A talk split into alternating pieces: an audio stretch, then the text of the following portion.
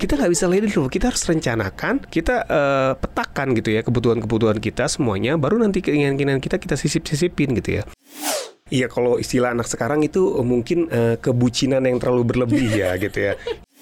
Selalu ada pilihan dalam hidup. Jadi nggak pernah nggak ada pilihan dalam hidup. Sa. Nah itu Oh. itu itu kata kuncinya ya. Jadi selalu ada pilihan. Permasalahannya kita mau mencari atau enggak.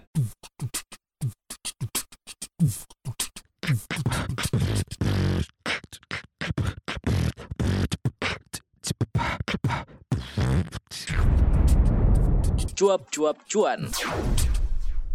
Halo Sobat Cuan apa kabar? Selamat datang di podcast Cuap Cuap Cuan Hari ini ada Talk with Expert bareng Mas Ai Hidayah Halo. Financial Expert CNBC Indonesia Sobat Cuan lagi ngapain nih? Mungkin lagi ada di jalan mau pulang, di kantor Atau mungkin lagi sakit karena polusi udara begitu ya Sehat-sehat ya Memang karena situasi ini kita nggak boleh lengah ternyata Kirain COVID udah selesai tapi ternyata Betul. ada musuh yang lain ya Kita mau bahas soal financial planning lagi, keuangan lagi Kira-kira Sobat Cuan kenal yang namanya sunk cost fallacy nggak sih? Mungkin nggak banyak yang tahu kali Banyak ya yang tahu ya. Nggak banyak yang tahu ya Istilahnya Tapi kayaknya rumit gitu ya. rumit banget gue nyebutnya kayak sunk cost fallacy ya Itu kebiasaan kita untuk eh, jadi jauh lebih konsumtif ya Iya. Kayak kalau kalau kayak gue nih Mas Mm, Ai Dulu gue mm. pernah kayak mengalami situasi hal kayak gini Iya. Waktu pas gue punya uang pertama kali tuh Gue jadi konsumtif Tapi barang-barang yang gue beli tuh lebih ke barang-barang yang murah Mm-mm. tapi tuh banyak jadi misalnya Iya. kayak sepatu nih Mm-mm. gua karena baru punya duit jadi kayak Iya. gue bisa beli sepatu sendiri gue beli sepatu tapi harganya murah tapi sering gitu Iya. warna-warni dan gue Mm-mm. tahu nih di otak gua ini Iya. karena murah Mm-mm. cepet rusak Iya. tapi gue kayak me- me- apa ya membenarkan gitu ya udah kalau rusak beli aja lagi kan murah gitu Iya. itu masuk gak sih ke kategori sunk cost fallacy Iya, sebenarnya mirip. Jadi sunk cost fallacy uh, kita ambil katanya dari sunk cost. sebenarnya. Sunk cost itu kan istilah akuntansi sebenarnya, istilah beratnya itu. Kalau di istilah akuntansi dia itu adanya artinya adalah biaya yang hangus atau yang hilang gitu ya. Karena memang hilang uh, karena kita melakukan sesuatu atau, atau, uh, tidak bisa dikembalikan lagi di masa kini atau di masa depan gitu ya. Nah, sunk cost fallacy sendiri ini memang uh, di istilah perencanaan keuangan atau di istilah keuangan adalah kekeliruan sikap kita terhadap biaya-biaya yang sebenarnya hilang atau hangus itu. Gitu. Salah satunya Oke. mungkin yang tadi Mbak Maria bilang. kayak aku gitu waktu Mbak itu Maria udah ya tahu nih beli sepatu banyak gitu ya. Sebenarnya nggak dipakai semua gitu kan. Itu kan biayanya hilang gitu kan, hangus gitu ya. Tapi tetap dilakukan gitu. Jadi dan itu secara sadar gue tahu gitu ah Iya, murah kalau rusak beli aja lagi Betul. gitu. Nah, akhirnya jadi berulang terus gitu kan. Nah, inilah satu sikap yang memang harus dihindari gitu ya. Nah, di investasi juga ada sunk cost fallacy. Jadi kita eh, sayang terhadap satu saham nih, misalkan saham A gitu ya, A B C D gitu ya. Kita beli fundamentalnya jelek turun terus kita beli lagi kita beli lagi kita average down average down kita beli terus padahal kita udah tahu ini saham nih nggak ada prospeknya harusnya Oke. jual aja atau cut Oke. loss aja nah itu juga termasuk salah satu siklus sunk cost fallacy yang banyak terjadi di investor-investor saham nih biasanya sangat populer. Nah makanya itu ada istilah kalau kita beli saham itu kita nggak boleh sayang, cukup suka aja gitu. Suka kalau sukanya udah hilang boleh ya setia. udah, iya nggak boleh setia. Kalau udah sayang kan susah kan, apa pun kita korbankan Benar, gitu ya. benar, benar, Tapi kalau suka kan ya bisa berubah gitu kan. Itu Nah, kenapa sih sebabnya akhirnya muncul eh, muncul eh, suatu tindakan seperti Ya. itu awal mulanya tuh kenapa sih mas? Iya kalau istilah anak sekarang itu eh, mungkin eh, kebucinan yang terlalu berlebih ya gitu ya. Itu memang sih kalau dari eh, faktor apa ya eh, genetik gitu ya neuroscience itu ada memang eh, karakter atau mungkin sifat seseorang tuh ya kalau sudah sayang sama satu benda orang atau apa pun gitu ya dia akan sangat apa ya sulit untuk melepaskannya gitu ya Mbak Maria. Makanya eh, caranya adalah gimana? Ya kalau misalkan kaitannya dengan keuangan ya kita harus pakai logik gitu ya Oke, harus oke. rasional gitu ya karena eh, nggak mungkin kita berdasarkan perasaan gitu kan nah itu seperti itu jadi Bisa memang nggak sih karena memang eh, faktor eh, level keuangan yang Iya. pada saat itu kayak kayak waktu gue ngerasa bahwa gue cuman bisa beli sepatu harga sekian Iya. gitu ya dan gue Mm-mm, tahu itu akan akan rusak tapi gue sebenarnya tahu bahwa itu Iya. akan ngeluarin cost lagi berikutnya. Iya. Nah sebenarnya kan gue bisa mengambil sikap ya udah gue nabung dulu sampai ke harga tertentu yang bisa gue beli, Iya. gue beli dan lebih awet gitu Hmm, kan. hmm. Tapi enggak, gue mengambil keputusan untuk konsumtif beli yang murah-murah murah-murah Iya. dan banyak yang jadi waste gitu ya kebuang Mm-mm. gitu. Nah itu kembali ke mindset sebenarnya kan. Jadi oke. eh, mungkin Mbak Maria eh, beranggapan kalau gue beli sepatu murah itu gue bisa beli banyak. Jadi Mm, gue punya variasi yang lebih banyak gitu. Gue bisa ganti-ganti setiap hari dan segala macam. Nah makanya salah satu cara yang paling efektif untuk eh, melawan sang fallacy ini lingkaran setan sang fallacy ini adalah mindsetnya dulu harus dibenerin nih Oke, gitu ya oke. mindsetnya dulu harus dibenerin. Jadi ya itu tadi. Kalau kita investasi misalkan ke apa pun ya, nggak mesti saham apa pun itu, Mhm. kita harus rasional, kita harus logik. Fundamentalnya oke nggak nih? Eh, masih bagus nggak prospek bisnisnya gitu ya? Ke depannya Mhm. Oke. gimana? Gitu. Jangan sampai kita kayak cinta buta gitu sama satu Hmm, saham atau hmm, satu hmm, investasi. Nah hmm, itu ya nggak boleh. Itu kan masalah mindset ya. Mhm. Tapi memang ada orang-orang yang udah kayak kadung cinta gitu ya. Gue pengen Jadi be- jadi bego ya, Iya jadi cinta. bego gitu. Apalagi kalau misalkan ada track record gitu eh, dulu dia untungnya gede loh dulu kan ada satu saham yang naiknya gede banget tiba-tiba anjlok tapi udah kadung cinta ya udah mau gimana lagi gitu ya nah itu kan sebenarnya ya kita harus move on kalau kata anak sekarang move on lah udah cut loss aja cari yang lain yang lebih bagus gitu Oke. kalau enggak itu bisa mempengaruhi keuangan kita ke depan Ma- bisa makin turun turun cash flow-nya bahkan bisa bangkrut ya kalau kita turutin terus nih si kebiasaan sang cost fallacy ini Padahal lo gitu. bisa melakukan banyak hal termasuk mitigasi eh, resiko-resiko Betul. besar yang mungkin akan terjadi ya. Betul. Gimana kalau sun cost fallacy ini keluar Mm-mm. karena memang ya itu eh, tadi kalau misalnya soal level keuangan Ya. dan gak ada pilihan. Contoh nih Mm-mm. Mas Ai, misalnya beli rumah jauh dari pusat kota, Ya, mm-mm. rumah second, terus kondisinya emang parah banget. Ya. Tapi ya emang itu yang disanggupi saat itu Mm-mm. ketimbang keluar kos yang lebih gede mungkin untuk ngekos gitu Ya. ya. Jadi istilahnya dia pikir oh, udah udahlah mendingan beli rumah di pinggiran. Tapi udah selain mungkin secara fisiknya not good enough, Mm-mm. biaya yang dikeluarkan kan untuk menuju ke pusat kota kan Ya. lumayan jauh. Nah ini dengan kondisi kayak gini bisa nggak sih eh, apa ya? Itu kan kayak nggak ada pilihan gitu loh. Mm-mm. Dan harus gimana gitu? Dengan dia tahu bahwa akan ada sunk cost uh, Mm-mm. fallacy yang dikeluarkan dengan pilihan-pilihan Mm. semacam itu. Atau misalnya beli kendaraan nggak bisa beli baru, Mm-mm. beli second gitu Iya. ya, sesuai dengan budget yang dia punya. Nah itu gimana tuh mas? Nah, ini salah, mindset yang salah. Selalu ada pilihan dalam hidup. Jadi nggak pernah nggak ada pilihan dalam hidup. Sa. Nah, itu, Oh. itu itu kata kuncinya ya. Jadi selalu ada pilihan. Permasalahannya kita mau mencari atau enggak. Kita mau menganalisa nggak, meriset atau enggak gitu ya. Let's say kita misalkan punya uang yang sedikit, tapi kita harus punya tempat tinggal, misalnya kayak tadi Mbak Maria bilang. Apakah kita harus beli rumah di jarak yang jauh, tapi nggak bagus rumahnya, atau kita ngekos? Nah, kita bandingkan aja gitu ya, dengan secara rasional gitu ya, Mbak Maria. Kita misalkan aktivitas banyak di mana hari-hari gitu ya. Kira-kira ada nggak di sekitar kita tempat tinggal yang memang bisa mengakomodir budget kita gitu, baik itu sewa maupun eh, beli gitu ya. Kalaupun nggak ada, cari yang sedikit lebih jauh gitu ya. Tapi eh, paling nggak eh, masih lebih mending dan secara transportasi juga, eh, misalkan ada transportasi publik gitu ya. Jadi memang eh, selalu ada pilihan.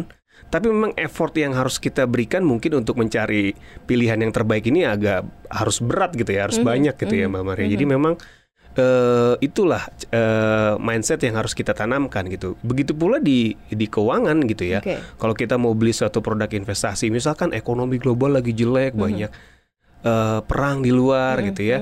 Terus di sini mau pemilu kayak seolah-olah nggak ada sentimen yang positif gitu. Tapi selalu ada pilihan gitu. Asal kita mau mencari gitu kan.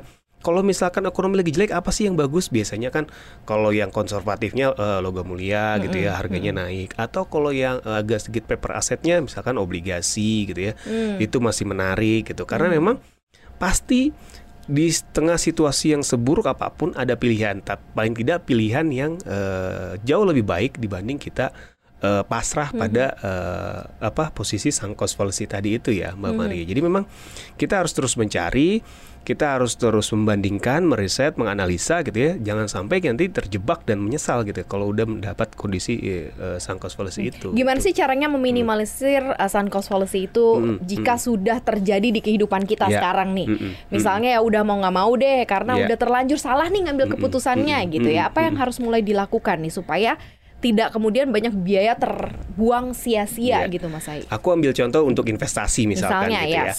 Misalkan aku investasi di saham ABCD gitu ya. Mm-hmm. Udah lama nih investasinya. Turun terus aku tambah tambah tambah turun. Padahal aku tahu saham itu saham yang nggak sangat prospektif gitu. Mm-hmm. Fundamentalnya juga jelek gitu ya. Manajemennya juga nggak bagus gitu. Mm-hmm. Nah, kalau sudah dalam posisi yang terjadi seperti itu, terjebak dalam posisi sunk cost fallacy, pertama yang harus kita lakukan adalah stop jangan tambah lagi di Oke. saham itu. Hmm. Itu pertama. Kedua, kita harus rasional gitu. Kalau memang kita analisa, kita lihat ke depannya memang ini udah nggak ada harapan, kita jangan takut untuk cut loss. Hmm, Jangan takut hmm, untuk cut loss. Sisa dana yang ada kita alihkan ke saham lain yang memang Hmm. punya prospek yang bagus. Karena menurut eh, menurutku gitu ya, kalau sudah terjebak di eh, posisi sangkos policy yang sudah dalam gitu, mau nggak mau kita harus eh, potong kerugian gitu. Jadi jangan Hmm, sampai oke. kerugian kita makin dalam, Mbak Maria. Kalau sudah makin dalam kan ya makin bahaya gitu ya. Itu hal hal yang harus eh, dilakukan. Nah, kalau sudah kita keluar dari posisi sangkos full itu jangan kita ulangi lagi, ya kan? Mindsetnya adalah kalau di investasi ya kita harus benar-benar eh, cari yang fundamentalnya oke. Yang kedua untuk meminimalisir resiko apa? Kita lakukan diversifikasi. Oke, Jangan ya. eh, cinta pada satu saham aja gitu ya. Dua, tiga itu masih oke gitu ya. Jadi eh, kita diversifikasi eh, eh, resikonya gitu ya. Dan kita evaluasi. Jadi jangan serta merta oh oh dia turun nggak apa-apa deh nanti naik atau oh nanti turun eh ntar nggak apa-apa deh nanti juga naik gitu. Jangan kita evaluasi. Dia turunnya karena apa nih? Apakah karena memang sentimen eh apa teknikal aja atau sentimen lagi ada berita buruk aja atau memang fundamentalnya nggak bagus gitu. Nah ini juga menjadi suatu kunci yang harus kita lakukan gitu ya kalau berinvestasi dan eh, evaluasi secara rutin kalau memang masih oke ya udah nggak apa-apa kita terusin tapi kalau nggak oke ya kita beralih ke saham lain karena kan saham Oke, banyak gitu misalkan oke. nih contohnya di saham ya Kalau gitu. contohnya ini terjadi di investasi ya, Mm-mm, karena mungkin contohnya di terlalu investasi terlalu misalkan yakin, entah kamu terlalu Iya. percaya sekali dengan satu investasi tertentu, Betul. sehingga lupa yang namanya mitigasi resiko gitu ya, Betul, sehingga kamu Mbak banyak Maria. mengalami hal-hal yang malah lebih merugikan ke depannya. Nanti Iya. kamu harus segera an- antisipasi dan Iya. lakukan tadi keputusan-keputusan tadi. Betul. Nah, kalau udah terlanjur ngambil keputusan yang salah, apalagi untuk di real life ya, maksudnya Iya. bukan investasi. Aku rasa banyak banget mungkin orang-orang yang saat ini kayak ngerasa salah nih gue Mm-mm. gitu, aduh salah nih gue pindah Iya. ke kosan atau misal salah nih gue eh, ngambil kerjaan gitu. Iya. Ternyata pas nego gaji kok kurang ya ternyata kosnya ya. Gajinya sekian itu kan Iya. akhirnya menimbulkan mungkin biaya kebutuhan yang lebih besar gitu Betul. ya. Atau sang kos tadi itu yang Mm-mm, tidak terjadi harus kayak mm-mm, gimana Mas mm-mm. Ai? Ya kalau misalkan dalam kehidupan gitu ya, let's say tadi ya kita salah eh, ngambil kos. Kadang-kadang kan juga ini sering kali terjadi teman-temanku juga banyak gitu ya. Demi untuk kenyamanan dan mungkin gaya hidup gitu ya, dia pengen ngambil kosan yang agak sedikit mewah gitu ya. Pokoknya bagus, fasilitas lengkap, tapi harganya mahal. Dia mungkin eh, berpikir ah nanti bisa cukup lah dari gaji gitu kan. Ternyata pas udah dijalani nggak cukup gitu ya. Nah ini kan sering kali terjadi nih di kalangan anak-anak muda gitu ya. Kalau sudah terjadi seperti itu, misalkan kita udah bayar kosan ini setahun ke depan gitu ya. Ya sayang kan kalau kita langsung pindah gitu kan, misalkan gitu ya.